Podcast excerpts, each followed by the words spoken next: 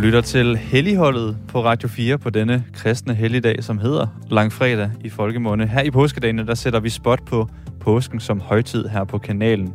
Julen, den er fyldt med traditioner. Påsken, måske ikke helt lige så traditionsrig, men det kan vi jo se, om vi kan råde bod på i løbet af den her programrække i helligdagene. Så vi i løbet af helligdagen, kommer vi altså til at se på, hvordan vi kan skærpe påsken lidt mere, og det kælder alt fra, ja, hvordan vi brander den, til hvordan vi synger den, til det, det skal handle om i dag, Anne. Maden, Lige ikke? præcis. Påskebordet, det er jo øh, nok især i weekenden faktisk. Måske også i dag, at mange øh, danskere... Jeg skal selv til påskefrokost Ja. i weekenden. Øh, og hvad skal der på sådan et påskebord, ikke? Øh, til jul, der har man jo også øh, 117 traditioner, og det bliver ikke rigtig jul, før man har fået and, eller flæskesteg, eller medister, eller hvor man nu øh, kommer fra i landet, så er der sikkert en anden tradition. Øh, påsken har måske ikke helt det samme. Nej, fordi der er nogen, der er til tarteletter, og der er nogen, der er til sild, og der er nogen, der er til æg, og, der er nogen, lam. der er til lam, Mhm. der er nogen, der er til skidende æg, og der er generelt bare noget til alle. Ja. Så vi kommer til at kigge på øh, maden i dag, især påskebordets øh, mad. Øh, det gør vi blandt andet med en kok øh, lidt senere i programmet, men lige om lidt skal vi også tale med en øh, person, der ved rigtig meget om, hvad det er for nogle madtraditioner, der også sådan i gammel tid hørt påsken til. Vi hører også rigtig gerne fra dig, hvis du har en eller anden idé til, hvordan vi kan gøre påskebordet lidt mere spændende. Er der nogle retter, der mangler? Er der nogle retter, der måske skal ud?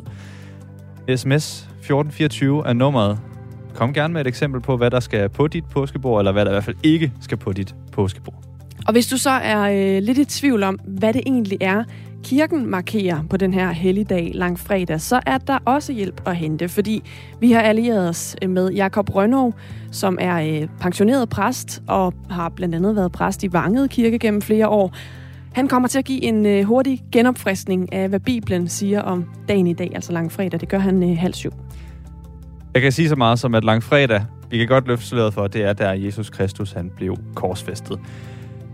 Og øh, det kan man jo så tænke, det er mange år siden, men den skik, den lever altså i øh, bedste velgående, og i 2014, der lod en dansker så faktisk korsfæste.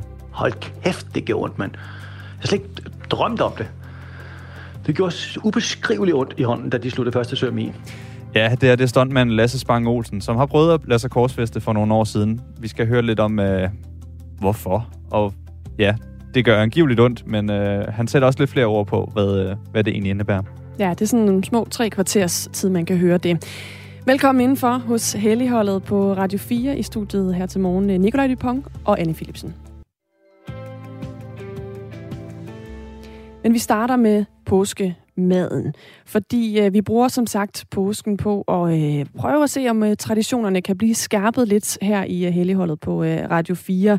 Og øh, lad os tage fat i det her med madlavningen, fordi hvor man kan sige, at julemaden er fyldt med traditioner, så er det som om, at påskens madtraditioner er, hvis ikke mere tilfældige, så i hvert fald ikke helt så skarpe. Godmorgen, Bettina Bull, Godmorgen. madhistoriker og museumsinspektør på Det Grønne Museum. Lad os lige starte med at se nærmere på, hvilke madtraditioner, som sådan helt traditionelt fra gammel tid hører til i påsken. Altså, hvad spiser man i påsken længere tilbage i tiden? Jamen, det er faktisk sådan, at, at påsken, kan man sige, er lidt opdelt i, i tre. Vi har sådan, øh, før påske, så har vi sådan øh, indledningen, optakten, og så har vi øh, selve påskedagene.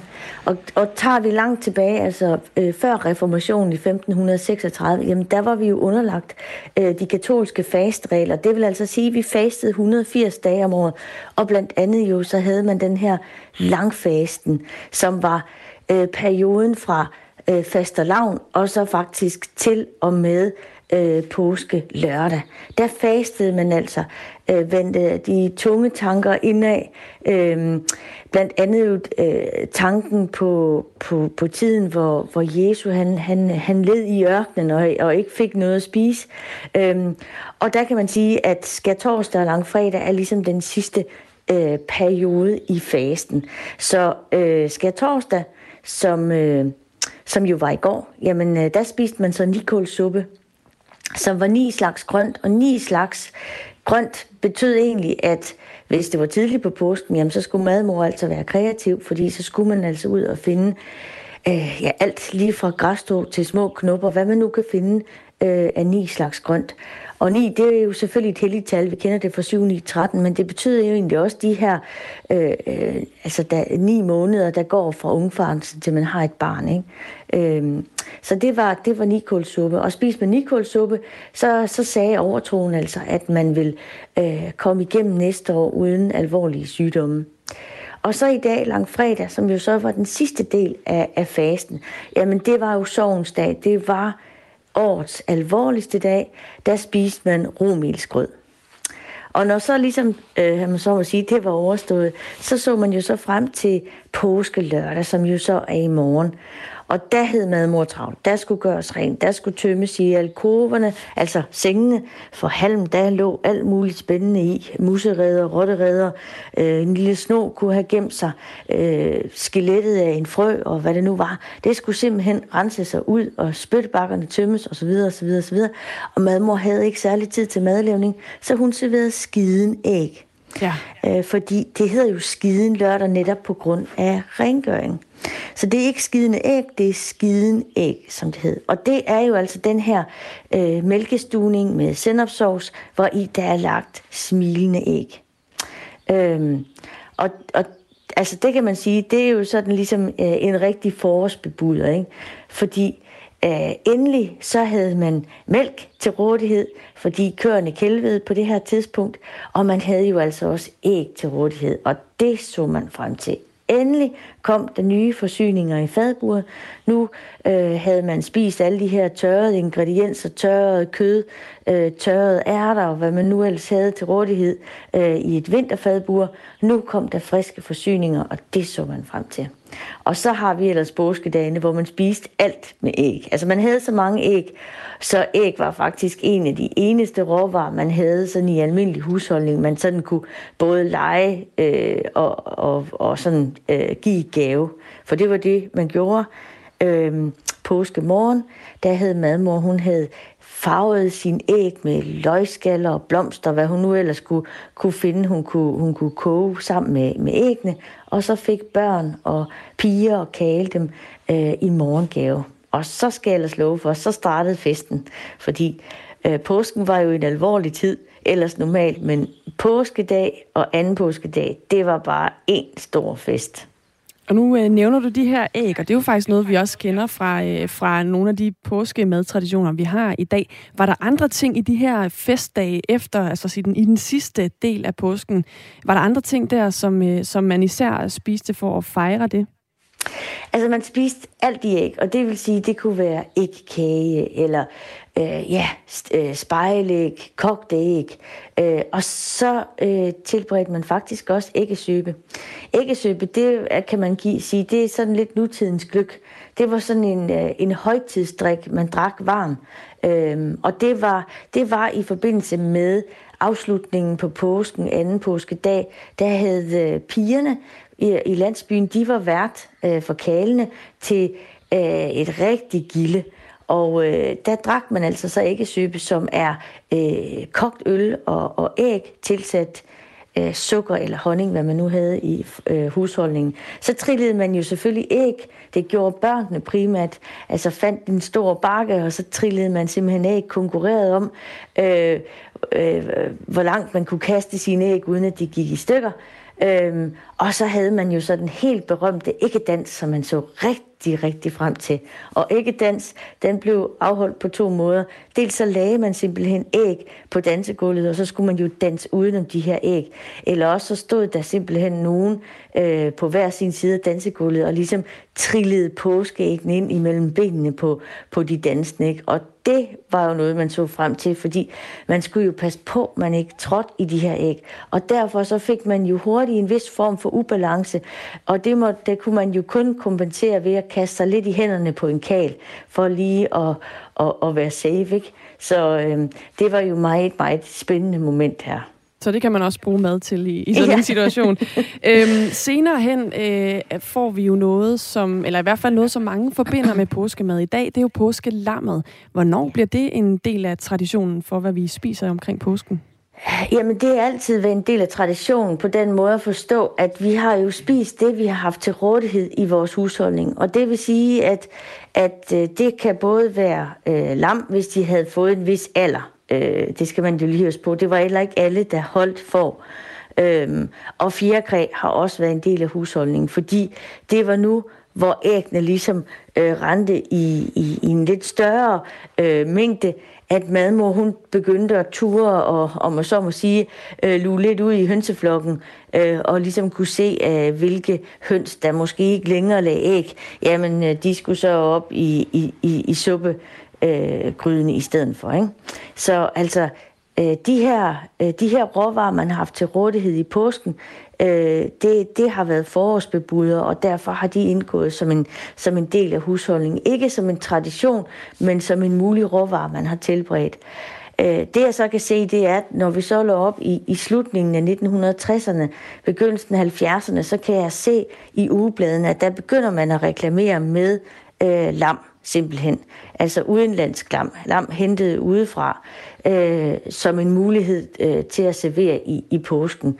Øhm, og det kan man sige, det passer jo så også fint med, at vi i 60'erne, jamen der, der har vi en velstandsbølge, og øh, den betyder altså, at vi rejser ud og bliver jo altså får kendskab til, til fremmed madkultur, vi tager med os hjem, og det er blandt andet øh, ingredienser fra, fra det sydlige Europa, ikke?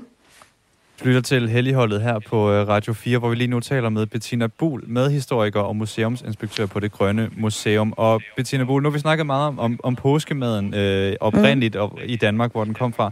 Hvad med påskebordet i dag? Hvad er det, vi egentlig spiser? Ja, altså påskebordet er jo egentlig en sjov foranstaltning, fordi øh, påskebordet, altså jeg kan se det med, at vi i det hele taget fejrer påske, øh, som det vi kender i dag, jamen det sker i løbet af, af 40'erne. Altså det sker faktisk under besættelsen, hvor man ligesom øh, har brug for at, at markere de traditioner, vi har i Danmark, øh, og markere dem lidt tydeligere. Blandt andet ved at festliggøre dem.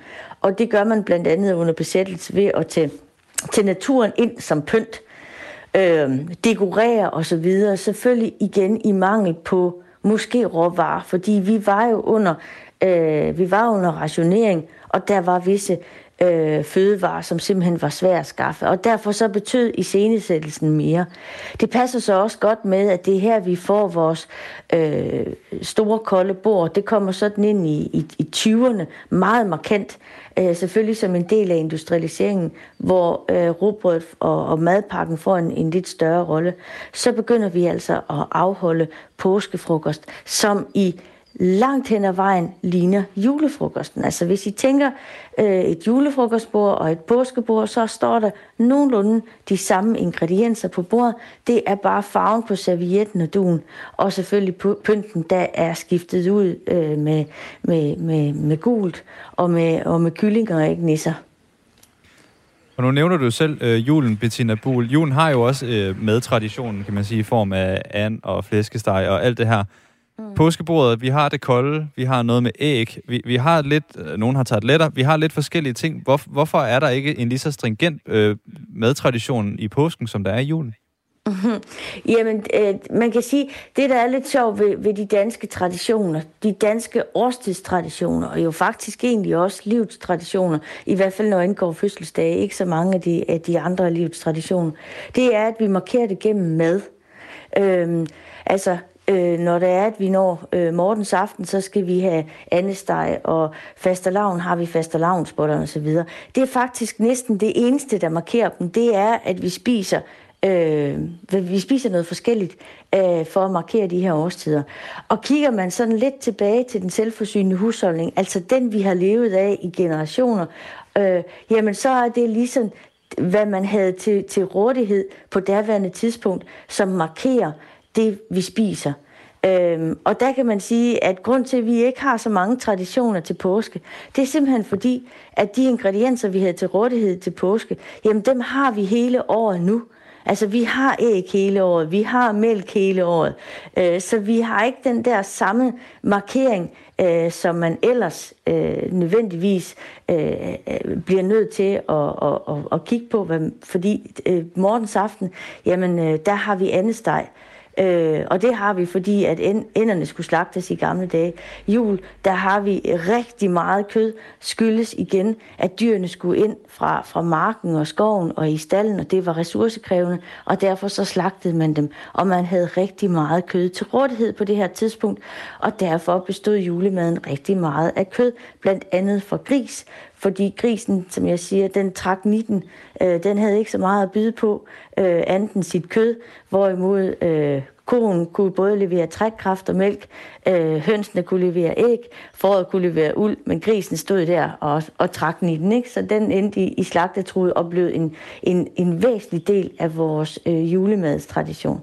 Så man kan egentlig bare sige, at øh, den måde, vi fejrer vores årstider på, er i bund og grund det, som madmor havde til rådighed i gamle dage, da vi alle sammen levede på landet og levede af det, vi, vi dyrkede og, og, og vi høstede og vi, og vi øh, afled på. Ikke?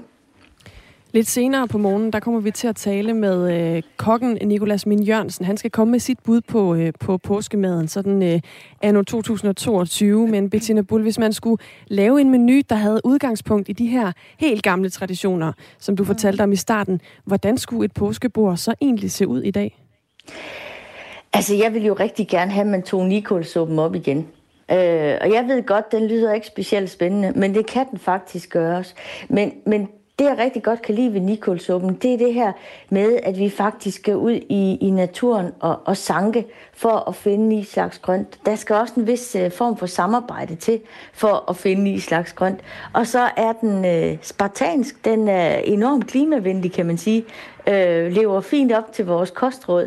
Uh, og så det her med, at, at vi faktisk markerer uh, en, en periode i historien, hvor vi jo igen var underlagt øh, naturens luner, øh, fordi det var man øh, øh, i påsken. Og det er også derfor, man tog jo alverdens... Altså, der var så meget overtro i påsken, fordi den her magi, som man tænkte, der er et eller andet, der sætter naturen i gang til påske. Bedst som alt er mørkt og koldt og trist og uden farve. Pludselig så er der et eller andet på magisk vis, der opstår.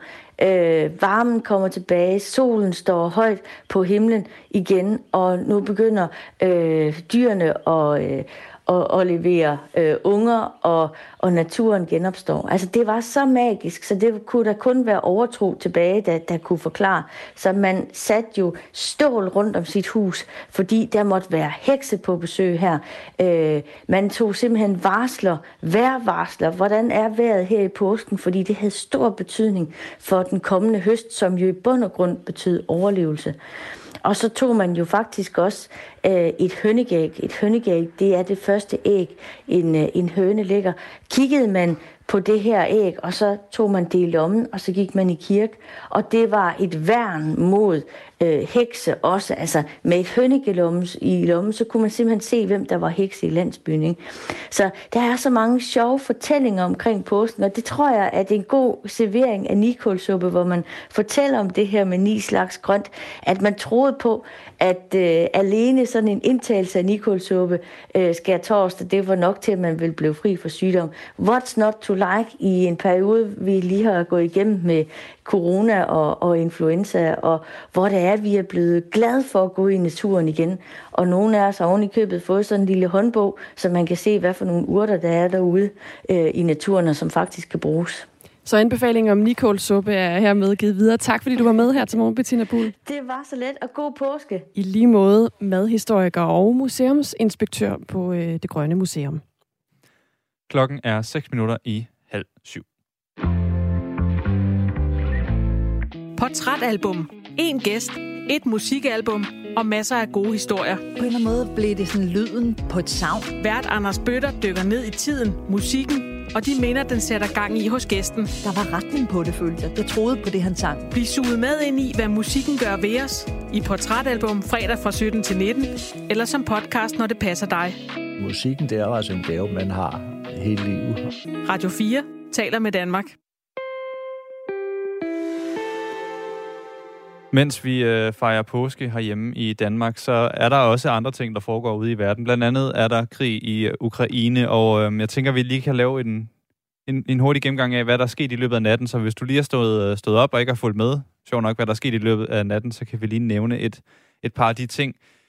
Blandt andet er det kommet frem, at Rusland beskylder Ukraine for at have sendt helikopter over grænsen for at bombe grænsebyen Klimovo.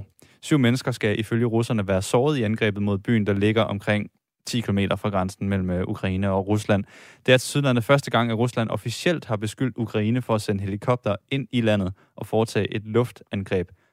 Den ukrainske regering selv afviser øh, at, og skulle have haft noget som helst med det her at gøre. I stedet beskylder Ukraines nationale sikkerheds- og forsvarsråd russerne for at have foretaget et terrorangreb mod sit eget territorium, altså det, der hedder et falsk flag-operation i Rusland. Ja, så har et øh, flertal i Ukraines parlament stemt for en resolution, som skal øh, kalde Ruslands militær øh, fremfærd i landet for folkedrab.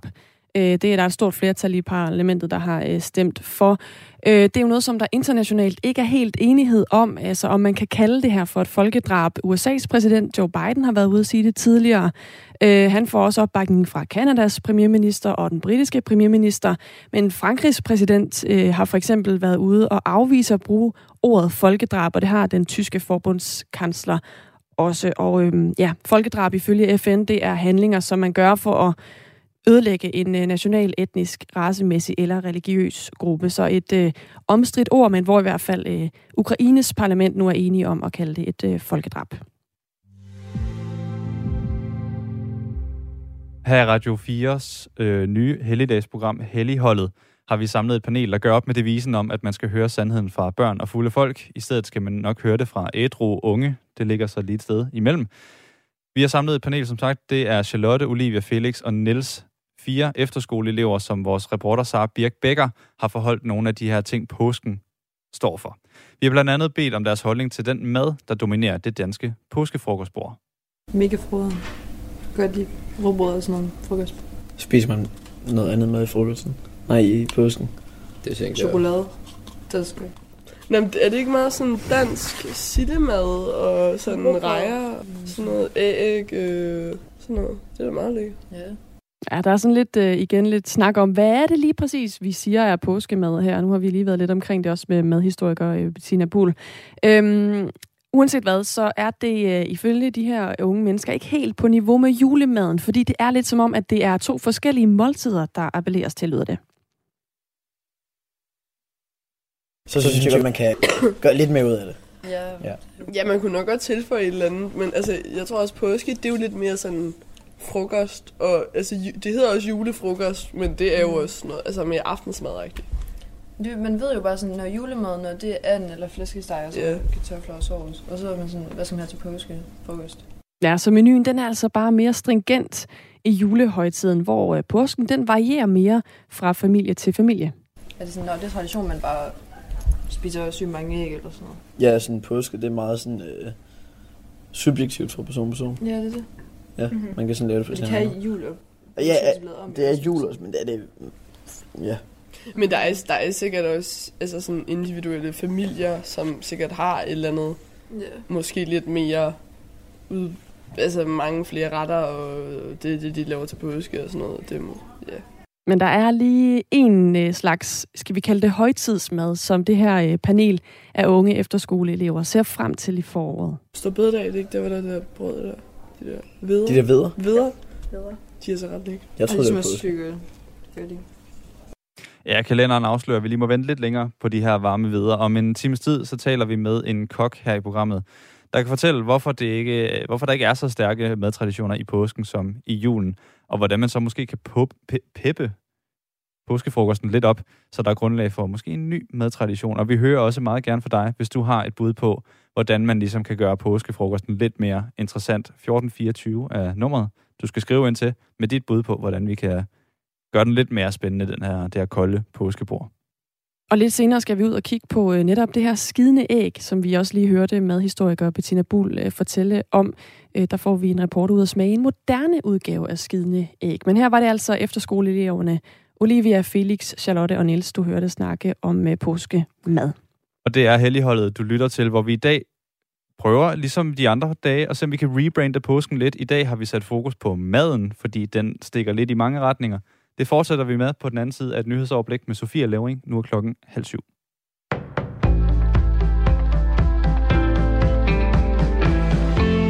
Det russiske krigsskib Moskva i Sortehavet er sunket. Det bekræfter Ruslands forsvarsministerium ifølge nyhedsbyrået RIA. Skibet blev beskadiget natten til torsdag, efter at ammunition ombord på skibet eksploderede. Ifølge det russiske forsvarsministerium blev skibet slæbt i havn i stormvær, og det var her, at forliset skete. Der er forskellige meldinger fra Rusland og Ukraine om, hvad der var skyld i eksplosionen. Russiske myndigheder mener, at eksplosionen var forårsaget af en brand ombord på skibet, men Ukraine hævder, at ukrainske styrker beskød det russiske krigsskib med to missiler, og at det var årsagen til eksplosionen og den efterfølgende brand. Indbyggerne i den belejrede ukrainske havneby Mariupol bliver sultet ihjel. Det siger direktøren for verdens fødevareprogram David Beasley til nyhedsbyrået AP. Han forudser, at den humanitære krise i Ukraine sandsynligvis vil blive endnu værre efterhånden, som Rusland intensiverer sin offensiv i de kommende uger. I Ukraine er kampene flyttet væk fra hovedstaden Kiev og mod, mere mod den østlige del af landet. Og det betyder, at det er svært at nå frem til de sultne ukrainere, forklarer fødevaredirektøren. Mangel på brændstof, arbejdskraft og manglende adgang er en del af problemet, siger han. Statens Serum Institut har købt coronaudstyr for 3,9 milliarder kroner, uden at sende det i udbud, det skriver Politikken, og Anne-Sophie Felt har mere.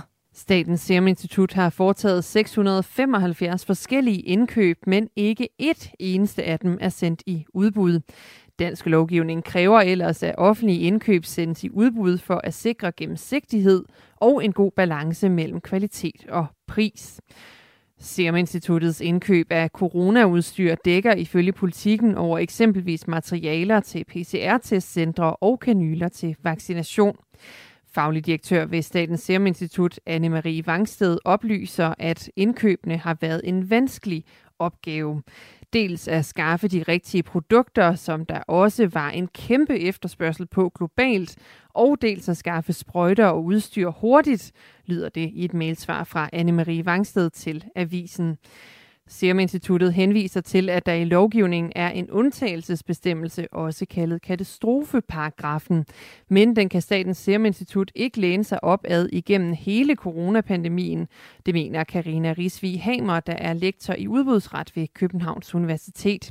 Hun siger til politikken, at der er ingen tvivl om, at Statens Serum Institut kunne og burde have lavet udbud på et tidspunkt i processen for at sikre konkurrence og lige behandling.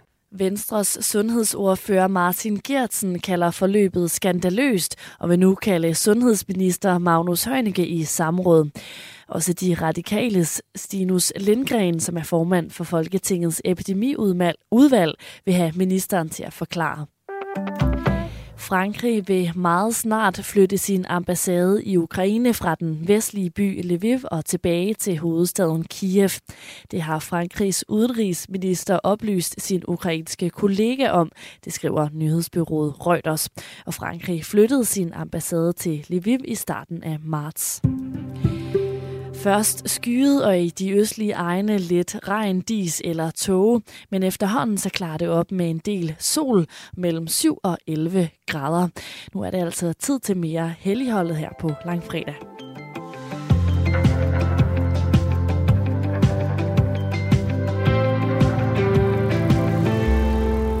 Godmorgen. Nå, så er det ikke jul mere. Den var jo lige til påske. Rigtig god dag, skriver Carsten her til Helligholdet på Radio 4, hvor vi ganske rigtigt beskæftiger os med påsken i de her dage, og nu er det jo endegyldigt ikke jul længere. Nej, men vi har alligevel nævnt julen lidt, fordi vi snakker lidt om det her med, jamen, øhm, julens traditioner, de står lidt skarpere, end påsken gør. Ja, det gør de lidt. Men det prøver vi at lave om på. Vi prøver i hvert fald at øh, blive helt skarpe på, hvad er påskens traditioner, og i dag der kigger vi især på maden. Ja, fordi maden har stukket i mange retninger i påsken. Vi talte med Bettina Buhl i øh, lige før, som er madhistoriker, og fortalte, at vi blandt andet har haft en nikålsuppe på påskebordet. Altså ni forskellige typer grønt, kogt til en suppe. Noget, hun i øvrigt gerne ser, at vi får tilbage på påskebordet. Ja. Kunne det være noget for dig?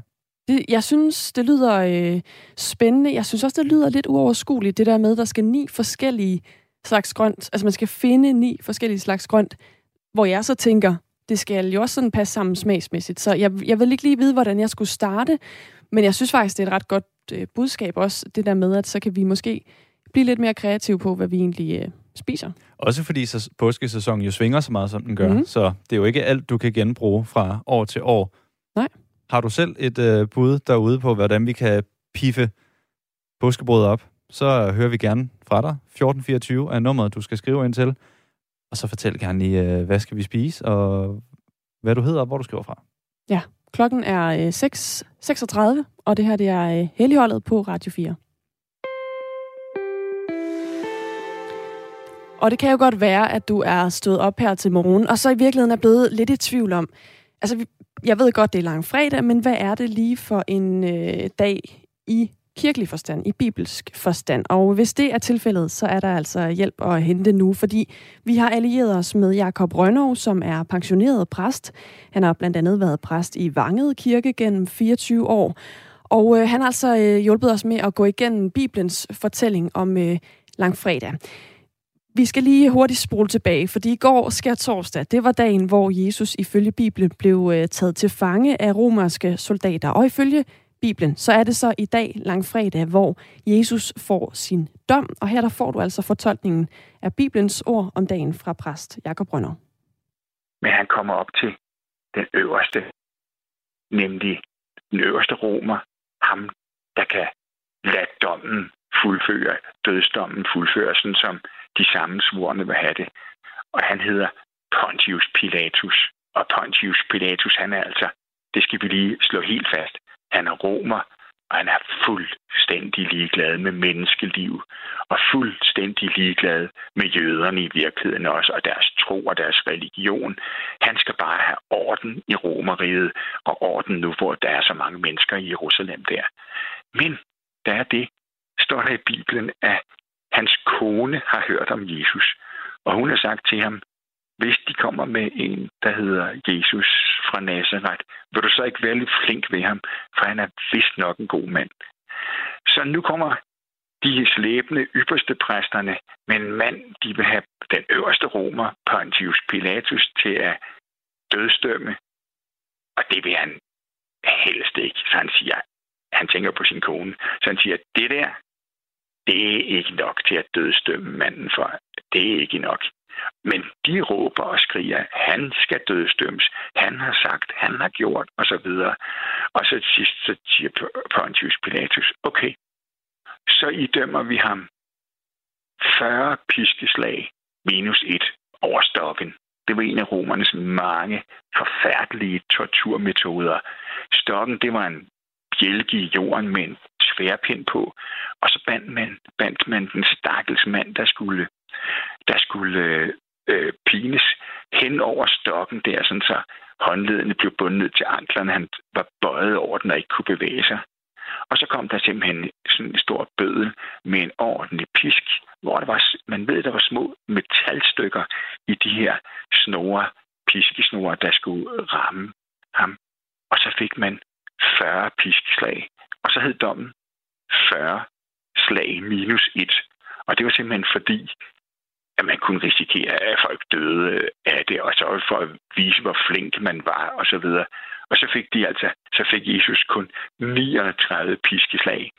Og da Jesus så havde fået de der slag, så kan Pilatus tage ham frem for folket igen, og de sammensvorene og sige, se her er jeres konge. Han er da ikke farlig for jer. Han bør vel ikke at dødstømme. Se hvilket menneske. Men de er ikke tilfredse, og de håber, hvis ikke du dødstømmer ham, så klager vi. Så klager vi. Og så kommer Pilatus lige i tanke om en nødløsning til. Så siger han, hey, det her det er jo påske. Jeres er stor fest. Og der plejer jeg at være flink og give amnesti til en af jeres forbrydere. Det vil jeg også gøre her. Og så lød Pilatus den værste oprører og rovmorder, eller hvad han nu har været, ned fra hans værste fængsel, hiv op og stille ved siden af Jesus. Og der er mange, der kender navnet på ham, Barabbas. Og så siger han, nu kan I selv vælge, hvem I vil have fri. Jesus, som I kalder jødernes konge, eller Barabbas der. Og så i mellemtiden, så har de sammensvorene, de skriftkloge og ypperste præsterne, ophidset folk, står der, øh, sådan så de råber, Giv os Barabbas fri, løslad Barabbas og korsfæst Jesus, Korsfæst Jesus. Og hvis ikke du korsfester ham, så klager vi til kejseren i Rom, og det vil Pontius Pilatus i hvert fald nødt have sket der. Og så siger han, så tag, så, så tag ham bort, Korsfæst ham. Og så kommer der en meget vigtig og kendt situation. Så siger han, bring mig lige et fad med vand og noget sæbe. Fordi jeg vil gerne her i mængdens påsyn vaske mine hænder som tegn på, at jeg er uskyldig i den mands blod. Og så vaskede Pilatus sine hænder, mens alle så på det. Og det er jo i hvert fald et udtryk, der, der er, er blevet stadigvæk, når man siger, en politiker, han, skal, han vasker sine hænder. Det er ikke min skyld, siger man. Eller er travlt ved håndvasken, siger man, at når alle skal undskylde, at de ikke har noget med noget at gøre. Det kommer direkte herfra langfredag tidligere om morgenen, og Jesus bliver så ført bort til korsfæstelse her langfredag morgen. Og langfredag er altså dagen, der markerer, at Jesus bliver korsfæstet. Som straf for blandt andet at have kaldt sig jødernes konge. Og så blev Jesus altså hejst op på korset med en røver på hver side, hører vi, og disciplene stod nedenfor. Øhm, og det, det, det, det har været helt forfærdeligt, den her. Og der er ikke noget at sige til, at den hedder langfredag, fordi det her det har været grufuldt. Og så siger Jesus forskellige ting op fra korset. Det er langfredag. Og det første, han siger, det er, han ser op mod himlen og siger, far, til Gud, øhm, tilgiv dem, for de ved ikke, hvad de gør. Og det var ikke lige det, jeg ville have sagt, øh, hvis der var nogen, der havde sømmet mig fast og, og hejst mig op i sådan en, en pæl der. Men, men Jesus sagde altså, far, tilgiv dem, for de ved ikke, hvad de gør. Og så hænger det der, og det er forfærdeligt, det bliver sandstorm, og det bliver, jeg ved ikke hvad. Til sidst så ser han op mod himlen, og så råber han, far, i dine hænder befaler jeg mig, det er fuldbragt. Og det der fuldbragt, det betyder nok noget retning af, nu er det gjort, det jeg skulle. Og så dør Jesus. Og det var jo om så må sige en fejl. Det har nok været på grund af alle de pisk og slag, han ellers har fået. Øh, men det var meningen, han skulle pines i alle de dage der. Der sker en fejl til, som romerne har lavet. Det går nemlig pludselig op for den, at de har lavet en korsfæstelse, eller de har lavet tre korsfæstelser på det var folkets helligdag, påsken, for udfrielsen af Ægypten for mange, mange år siden ved Moses. Og det er en stor fest, og så kan man ikke have sådan nogle lig eller døende hængende på korset. Så pludselig kommer der en ny besked til øh, vagtmandskabet, til romerne, som siger, hey, de tre korsfæstede skal ned, og de skal ned, inden det bliver helligdag. Det gør det ved solnedgang fredag aften. Ja. Og så kommer beskeden til de pårørende. Tag jeres familie der. Væk med den. Solen går straks ned. Så må der ikke ske spor. Det er helligdag. Og derfor får de meget travlt med at få Jesus ned fra korset der. Og der er ikke meget tid for Maria til at sidde med ham, som vi har set på masser af malerier, fordi han skal i en grav, inden solen går ned, hvor man intet må gøre. Men heldigvis er der en rig mand, der har, der har kendt til Jesu budskab og sagt, Jesus må godt lægge sig ind i den grav, jeg har lavet lave til mig selv. Der har ikke været nogen i den endnu, og det var sådan en klippehulegrav lige i nærheden. Og der lægger de så Jesus, hans døde læge ind, når lige at vikle ham ind i et eller andet nærmest tilfældigt, og får lagt ham ind, og får rullet en stor sten fra graven, for at hunde eller gravrøver ikke skal komme ind, eller dyr, der, der skal komme derind. Og så skynder de sig hjem, og så går solen ned fredag om aftenen. Sådan lød fortolkningen af Bibelens fortælling om langfredag, altså af seniorpræst Jakob Rønnow. En lang dag har det været for Jesus. Der er i navnet. I kunne jo nævne, hvorfor vi spiser lam. Da jøderne forlod Ægypten, så skulle de slagte et lam, smøre blodet på dørstolpen, så døden gik forbi, og spise lammet den første påskefrokost, skriver Jørgen ind på sms'en 1424. Og det er jo uh, rigtigt nok, at det er jo faktisk... Uh, altså lammet har jo også en sådan bibelsk betydning. Øhm, netop i det gamle testamente, den her historie om, at man skulle øh, smøre hu- dørstolperne til med, med blodet fra, øh, frisk blod fra et lam, Øh, og hvis man øh, ikke gjorde det, så kunne man risikere at miste sin førstefødte. Men hvis man havde smurt øh, blod på, øh, på dørstolp, så ville man ligesom gå fri som familie. Og så faktisk i det nye testamente, øh, hvis vi lige skal blive de her bibelske øh, forhold til, til os lammet, som jo i dag er noget, som mange også øh, spiser i påsken, så bliver Jesus jo kaldt for Guds lam, fordi han offrer sig for menneskenes skyld. Og øh, det er også derfor, hvis man nogle gange kommer i kirke, så kan man godt støde på nogle billeder af lam, øh, som ligesom symbolet på Jesus. Tit så er det sådan, det her gudslam, som man kalder det, der holder et kors, eller et eller andet, øh, nogle gange bløder det for brystet, altså som det her billede, symbol på, at øh, altså på Jesus og øh, det offer, han øh, gjorde her i påskedagene. Så øh, et godt øh, input her fra Jørgen på sms'en. En central rolle til lammet, kan jeg forstå, simpelthen, ja, i den det kan man sagtens sige. Ja. Mm. Hold op. Jamen, så burde man da spise lam til påsken. Det kan jeg jo godt se. Den giver god mening på påskebordet. Ja, den, øh, den er i hvert fald øh, den har en meget symbolsk værdi, hvis man lægger den på påskebordet. Jeg sætter et flueben ved den. Den kan vi godt beholde. Uh, vi prøver jo her i uh, Helligholdet på Radio 4 at se, om vi kan rebrande påskebordet en smule, så det bliver lidt mere interessant og måske lidt mere strømlignet, fordi det stikker i mange retninger. Vi har hørt om æg. Nu hører vi om lam. Jeg synes, fortællingen om begge dele har faktisk givet god mening. Så mm. Vi beholder begge to. Men har du derude et bud på, hvad vi også kan få med, eller hvorfor vi måske ikke skal have noget af det med, der er på øh, påskebordet. Jeg kunne godt tænke mig at høre øh, argumentationen for tarteletter, fordi jeg har svært ved at se den. Bortset fra, at det smager virkelig godt. Det smager fantastisk. Altså, det, det, ja, ja, det vil jeg Jeg vil have svært ved at undvære dem ja, på påskebordet. Og det skal overhovedet ikke lyde, som om jeg prøver at komme af med det, men jeg har bare brug for det der argument, ja. så man også kan få det. En god historie. Skriv ind, 1424 er nummeret, så hører vi meget gerne, hvad du har af, af bud. Det er i dag den dag, Jesus blev korsfæstet. Det markerer vi heldigvis i fred og fordragelighed herhjemme. Vi markerer langfredag ved at tage i kirke, spise en påskefrokost og hvad der nu ellers hører med. Men andre steder i verden, der tager de altså helligdagen til det ekstreme. I Filippinerne, der er korsfæstelser nemlig ikke kun noget, man læser om i Bibelen. Det er noget, folk de gør selv den dag i dag. Her i Helligholdet har vi talt med en, der selv er gået hele vejen og lader sig korsfæste i Filippinerne. Det var egentlig først, da de lagde mig op på korset, at det sådan rigtig gik op for mig, at det kunne faktisk godt være, at det kom til at gøre ondt. Ja, det var Lasse Spang Olsens stemme, du hørte her. Han er professionel stuntmand og besluttede sig i 2014 for at tage til Filippinerne og få banket søm gennem hænder og fødder. Vi skal måske lige hurtigt advare her. Det er bare lige en indskudsætning. Øh, de næste 10 minutter, de kommer nok til at indeholde beretninger om øh, smerte i en eller anden form, fordi at det, det er ikke helt... Det er ikke, fordi han er blevet kildet blidt, øh, Lasse Spang Olsen, i, øh, i den her seance. Det starter med, at i 2012, der blev Lasse Spang Olsen ramt af tarmslyng, som var ved at tage livet af ham. Og mens han lå på hospitalet, så tænkte han tilbage på en dokumentar, han tidligere lavede om Filippinerne, hvor han havde hørt, at de lokale altså følte, at de kunne tale med Gud, hvis de lå sig korsfeste.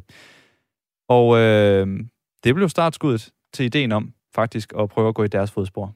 Så tænkte jeg, på Filippinerne, der mødte jeg rigtig, rigtig mange mennesker, som har en helt anden religiøs tilgang. De kan tale med Gud. Det vil jeg kraft ad mig også lære at kunne. Sådan så næste gang jeg skal dø, hvis jeg altså overlever det her, der vil jeg kunne tale med Gud. Så jeg sagde til mig selv, at hvis jeg overlevede, så vil jeg lige så snart jeg kunne tage til Filippinerne og lære at tale med Gud. Lasse Spang Olsen kom sig over sygdommen og endte med, som han siger, at tage til Filippinerne kort efter for at prøve at tale med Gud. Og i virkeligheden er det sådan lidt et nåleøje, man skal igennem, når man øh, gerne vil øh, prøve at blive korsfæstet i Filippinerne. Fordi ifølge Lasse Spang Olsen, så er der omkring 10, der får lov hvert år. Og det kræver også, at man har en årsag, en grund til at ville det. På Filippinerne er religion noget anderledes, end den er sådan i vores del af verden i hvert fald, at det, det er så meget noget for noget. Det er til at forstå egentlig, fordi man, man gør noget for Gud, og så får man noget igen. Så, så de handler meget med, med Gud og Jesus i påsketiden især der går alle de her flagellanter, som går og pisker sig selv. Det gør de også alle sammen af en grund. De har noget, de skal have, have igen. Altså, de har måske et sygt familiemedlem, eller de skal øh, have en ny bil, som de skal låne nogle penge til. Eller der er sådan forskellige ting, som, som de har brug for hjælp til, og så gør de noget for Gud og Jesus. Dem, der bliver korsfæstet, det er ligesom sådan... Øh, øh, essensen af det her. Øh, det er jo klart, der er kun 10 eller sådan noget, der bliver korsfæstet hver år. Og de har alle sammen en virkelig, virkelig god grund til at gøre det, ellers så får de selvfølgelig ikke lov at blive hængt op der. Øh, og grunden øh, kan være alt muligt forskelligt, men det er noget, der er vigtigt. Øh, så vigtigt, at andre mennesker også kan, godt kan forstå, at, at de skal have lov til at blive korsfæstet.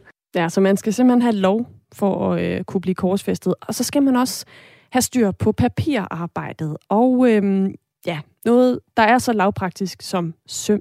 Der fandt jeg så ud af, at udover alle de stempelafgifter og skidt og lort, som jeg skulle have for at kunne komme op på kortet, så kom der også nogen, der skulle godkende mine Jesus-søm. Jeg havde sgu ikke nogen Jesus-søm. Altså, jeg havde regnet med, at man ligesom fik sømmene hen ved korset, eller sådan noget. Men sådan fungerede det overhovedet ikke.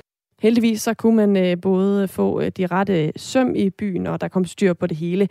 Lasse Spang Olsen, han havde også en læge med på turen for en sikkerheds skyld, og det var blandt andet lægens opgave at øh, sørge for, at de her søm de blev slået ordentligt i. Det virkede bare ikke til, ifølge Lasse Spang Olsen selv i hvert fald, at der var så meget styr på den del. Og så for, for at give ham et eller andet at lave, så tog vi hen, så han kunne høre, hvordan det her søm egentlig ville blive banket ind, så han kunne være forberedt på, hvad der kunne ske med mig. Og så møder vi den her person, der skal banke sømmet i, og så siger han, øh, så siger jeg til ham, hvordan kan det egentlig være, det er dig, der skal slå sømmet i? Så siger han, hvad, hvad mener du? Jamen, hvorfor er det dig, der slår sømmet i? Så griner han, så siger han, det er sgu ikke andre, der vil. Så siger jeg, øh, hvordan har du lært det? Lært det, siger han så. Øh, altså ikke ret svært at slå søm i. Jeg er tømmer til daglig, så jeg slår masser af søm i. Det er ikke spor svært. Det var ikke skide betryggende. Og så spurgte jeg ham, hvorhen øh, slår du det i? Altså, der er jo masser af knogler i hånden og sådan noget. Så siger han, altså, hvad mener du? Hvorhen? Jeg slår det selvfølgelig igennem hånden og igennem fødderne. Det er, det, der, det er jo det, jeg skal. Ja, og korsfæstelsen er altså kulmination på en ugelang ceremoni i hele landet i Filippinerne. Og endelig kommer så langfredag, hvor alvoren skal udløses. Og så om morgenen, så øh, kommer man hen til den her plads, hvor folk forsamler sig, står cirka 30.000 tilskuere og presse fra hele verden. Altså det er et presseopbrud, som om det var et øh, Donald Trump-møde. Øh, en korsfæstelse kan godt lyde lidt øh, makabert, og det er måske lidt svært sådan egentlig at forestille sig, hvordan det foregår, men det er egentlig meget simpelt, fortæller Lasse Spang Olsen. Når det bliver din tur, man så må sige, så har de lige pillet en anden en ned, så lægger man sig op på korset, der står skråt, lægger den ene arm ud til siden, så er der nogle rummer, der holder den, så ser de et søm på din hånd, og så banker det et søm ned igennem din håndflade, så sidder den hånd fast, så går de over, og så gør de det samme med den anden. Og så rejser de korset op, og når det kommer op at stå, så banker de først et søm i den ene fod, og så et søm i den anden fod, og så hænger man ellers der. Ja, det, det lyder som om, at det er noget, han gør til hverdag, når han siger det sådan her. Lidt nonchalant. Øh, og manden er jo ståndmand, men der skal altså ikke have nogen tvivl om, at øh, det gør mig et ondt.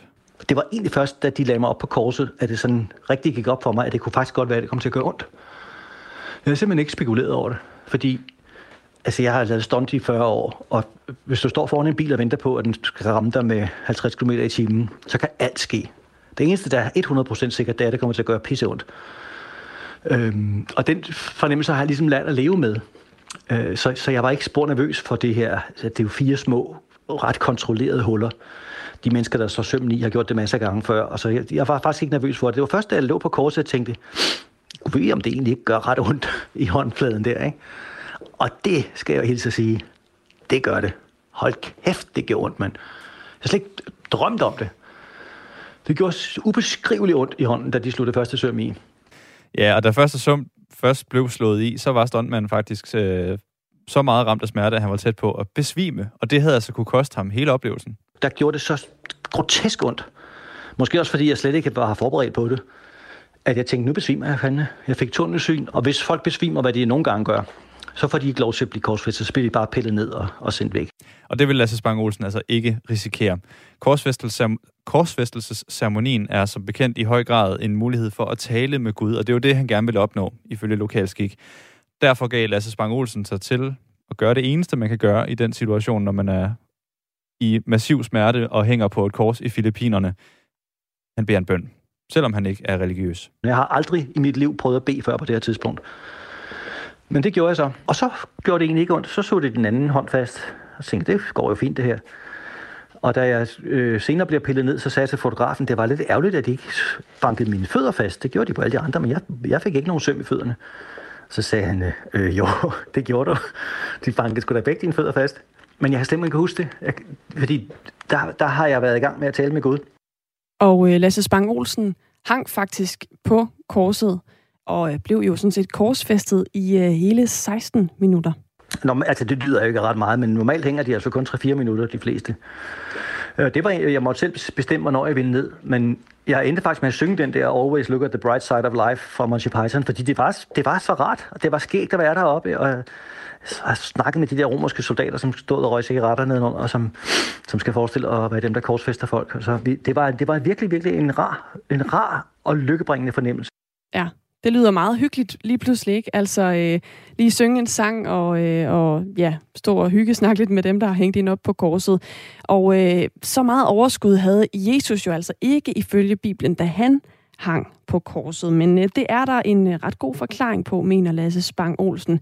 Fordi han hang ikke kun i armene og i fødderne. At man står på en lille klods. Øh, fordi hvis man bare hænger i hænderne, sådan som vi ser Jesus afbildet altid, så ravner hænderne. Der sidder kun en ganske tyndt lag kød der, så det, det ravner bare lige med det samme, så vil man skvatte ned, hvis man hænger 80 kilo op på den måde.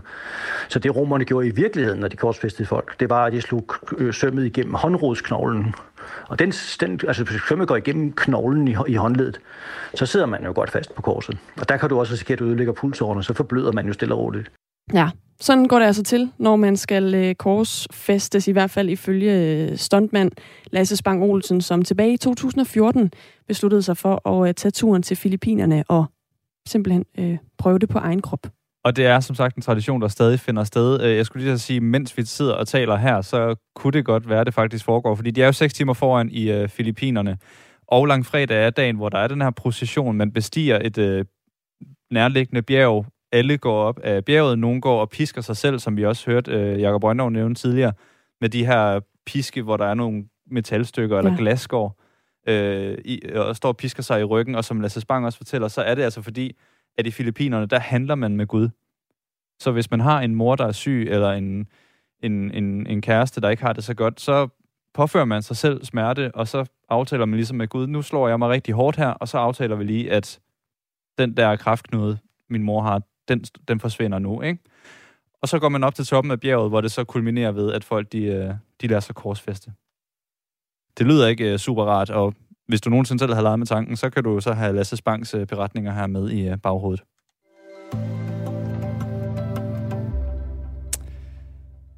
Anne. Ja. Krypto. Er det noget, du ved meget om? Øh, kryptovaluta? Ja. Nej. Okay. Ikke meget. Det gør jeg heller ikke selv. Men vi skal til kryptonyt. Fordi, ikke kryptonit, men kryptonyt. Fordi i slutningen af marts, 23. marts, der skete der noget. Vi skal ind i computerspillet, der hedder Axie Infinity, som er et computerspil, men hvor man også kan handle med kryptovaluta. Altså i virkelighedens penge? Lige præcis. Okay. Lige præcis. Mm-hmm. De har nogle forskellige rum, man går ind i, øh, verdener, og når du så er derinde, så kan du handle med en speciel øh, slags kryptovaluta. Og her blev der stjålet for 4,2 milliarder kroner den 23. marts. Og nu har man måske fundet ud af, hvem der er, har stået for det her røveri. Det er angiveligt den nordkoreanske hackergruppe Lazarus. Ja. Som har øh, stået for at stjæle en masse penge øh, i kryptovaluta. Det er USA, der mener, de har fundet beviser for, at øh, Lazarus har haft en finger med i spillet. De peger på, at nogle af pengene er blevet overført til en digital punkt, som er ejet af en af hackerne i det her Lazarus-kollektiv. Dem, der ejer spillet, som har lavet spillet, de har lukket for den her del af verden, hvor du kan handle med den her kryptovaluta. Den hedder, øh, den hedder et eller andet specielt. Øhm, der er to selskaber, Chain Analysis og Elliptic, de oplyser begge, at det er Nordkorea, Nordkorea der står bag. Nordkorea siger selv, det ved vi ikke noget om. Mm.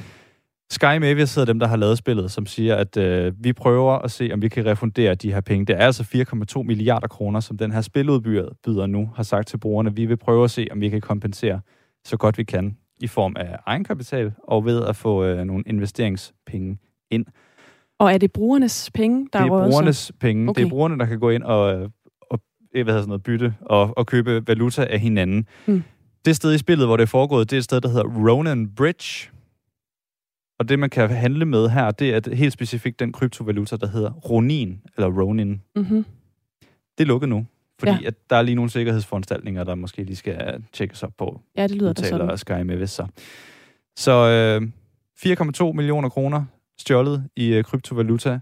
USA beskylder Nordkorea, og øh, indicierne peger på, at det altså øh, er dem. En ny slags bankrøveri fik du lige her øh, op til nyhederne, fordi nu er klokken syv, og Sofie Levering er klar med nyhederne på Radio 4.